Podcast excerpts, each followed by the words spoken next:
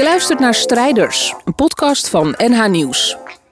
Ambitieuze Noord-Hollanders vertellen hun verhaal. Ze vertellen over hun dromen, hun successen en over de hobbels die ze onderweg tegenkomen. En deze week horen we het verhaal van Jens. Ik ben Jens van Tricht, oprichter van Emancipator, organisatie voor mannenemancipatie. Het is belangrijk dat mannen bijdragen aan de emancipatie van meisjes en vrouwen. En bovendien hebben ze een wereld te winnen als het gaat om verbetering van hun eigen leven. In het Kennemer Theater staat een sokkel op het podium. Daarop ligt een zacht speelgoedballetje met alle kleuren van de regenboog. Jens pakt het erbij voor hij aan zijn verhaal begint.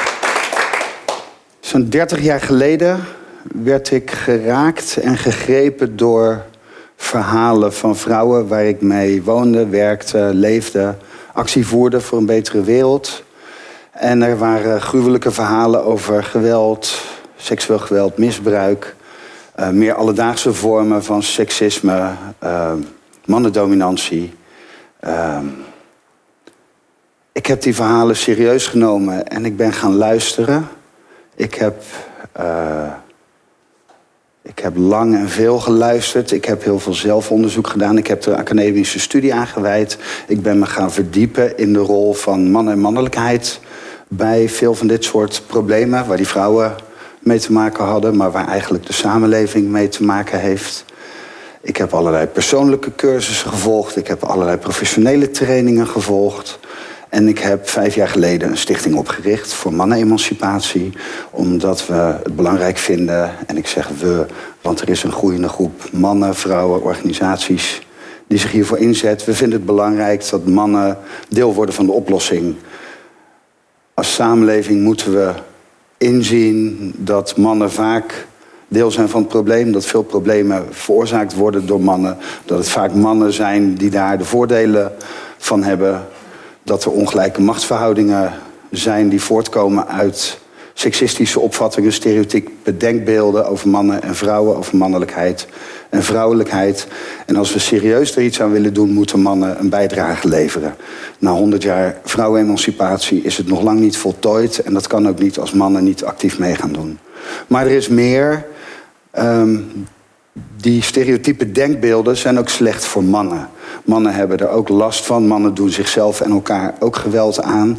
Dus gelukkig is de laatste tien jaar steeds duidelijker dat mannen en vrouwen eigenlijk bondgenoten zijn. Dat dat hele idee van een oorlog tussen de seksen onzin is. Dat mannen onderling veel meer van elkaar verschillen dan eh, van vrouwen als groep. En dat vrouwen onderling ook veel meer van elkaar verschillen dan vrouwen als groep van mannen. En dat er dus ook heel veel overeenkomsten zijn en heel veel overlap. Eigenlijk zijn mannen en vrouwen tot dezelfde dingen in staat als we hun daartoe in staat stellen. Als we mensen mensen laten zijn en niet in het hokje blauw-roze man-vrouw stoppen. Met Emancipator hebben we een groeiende groep mannen die workshops geven, trainingen die zich uitspreken, inzetten, ambassadeur zijn in hun eigen organisatie, in hun gemeenschap, et cetera. En we werken samen met heel veel organisaties, vrouwenorganisaties, emancipatieorganisaties, maatschappelijke organisaties, af en toe ook bedrijven, gemeenten, overheden, om jongens en mannen te betrekken bij emancipatie. En dat gaat de goede kant uit. Ik zei al, ik ben 30 jaar geleden begonnen. Ik heb me lang een roepen in de woestijn gevoeld. Tien jaar geleden bleek er opeens wereldwijd een beweging te zijn, Men Engage, Engaging Boys and Men in Gender Justice, waar inmiddels zo'n duizend organisaties over de hele wereld met deze thema's bezig zijn. Dus ik kwam thuis. Um, en ik had het gevoel van, oh, dit is waar ik eigenlijk naar op zoek was, zonder dat ik het wist. Van daaruit is Emancipator opgericht. Zijn we nu bezig de wereld, de samenleving, onszelf en elkaar te veranderen en te verbeteren. Maar daarmee houdt het natuurlijk nog niet op. En daar wou ik eigenlijk vandaag het over hebben. Want we moeten oppassen dat we niet dweilen met de kraan open. Een van mijn docenten bij vrouwenstudies had ooit geschreven... Uh, we willen niet alleen een andere rolverdeling in dezelfde slechte film... maar het script moet herschreven worden. En dat betekent dat we ook onszelf moeten gaan herschrijven. En dat betekent ook dat we andere mensen toe moeten laten om ook mee te schrijven. En dat betekent dat we moeten gaan luisteren naar mensen die tot nu toe eigenlijk te weinig gehoord worden. Mensen die te weinig het podium krijgen. Dus ik vond het ook fijn. Ik mag vaker een praatje houden. Ik mag hier weer het woord voeren. Maar eigenlijk wil ik niet weer een verhaal houden. Eigenlijk wil ik dat we leren luisteren. En daar gaat dit verhaal over. Daarom heb ik ook deze bal bij me. In de trainingen en workshops die ik geef, gebruik ik dit als spreekvoorwerp. En dan gaat dit rond en dan mogen mensen spreken. En als je dit vast hebt, ben je de enige die het woord mag voeren. Dus daarom heb ik dit nu vast. En alle anderen zijn aandachtige toehoorders, zoals jullie dat nu ook zijn. En dit is dus wel een spreekvoorwerp, maar eigenlijk is het ook een luisterbal. En deze bal heeft verhalen meegemaakt van duizenden mensen inmiddels over die maatschappelijke problemen, over persoonlijke problemen, over vreugde, pijn, angst, lief, leed, hoop, idealisme. En ik weet dat er heel veel mensen zijn die niet gehoord worden, die niet genoeg gehoord worden. Vrouwen worden in deze wereld te weinig gehoord. Mensen van kleur worden in deze wereld te weinig gehoord. Mensen die zich niet als man of vrouw identificeren, worden niet of te weinig gehoord. Mensen die weinig verdienen in armoede leven, worden te weinig gehoord. Zo kan ik nog wel even doorgaan.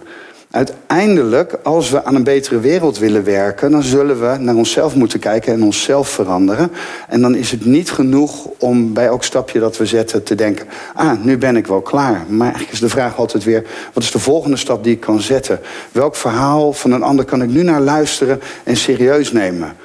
Het is natuurlijk best ontluisterend in deze tijd dat wij als rijk, welvarend, vooruitstrevend Nederland, wat ooit een gidsland was of dacht te zijn toen ik nog klein was, het land waarin ik opgroeide, en dat tegenwoordig goed mens een slecht woord is.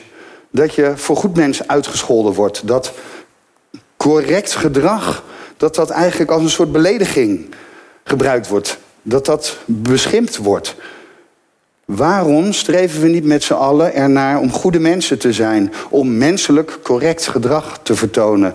Waarom zijn we zo snel tevreden met ons veilige leven in deze welvarende staat? En waarom vinden we het vaak zo moeilijk om te luisteren naar mensen die het minder makkelijk hebben? En we hebben nu net, ik weet niet wanneer dit uitgezonden wordt, maar we hebben zitten midden in de discussie over Zwarte Piet. En het zal duidelijk zijn, voor mij mag Zwarte Piet liever gisteren dan vandaag verdwijnen. Maar als Zwarte Piet verdwenen is, hebben we nog steeds een samenleving waarin mensen met een migratieachtergrond, mensen met een kleurtje, mensen met een niet-Nederlandse achternaam dagelijks uitgesloten, gediscrimineerd worden, niet gehoord, geen podium krijgen. En ik weet, als ik dit soort dingen zeg, als ik het over mannen zeg, als ik het over witte mensen zeg, als ik het over hetero's zeg, dan raakt dat ergens. Dan krijg het gevoel, oh jee, maar nu ben ik niet goed, ik word er ongemakkelijk van. Maar we zullen er iets mee moeten. We hebben geen idee hoe moeilijk het is voor die andere mensen. Dus dat beetje ongemak moeten wij gewoon nemen. Dankjewel. Dit was het verhaal van Jens in de serie Strijders van NH Nieuws. Als je meer van deze verhalen wil horen, abonneer je dan op onze podcast. En helemaal leuk als je een reactie achterlaat.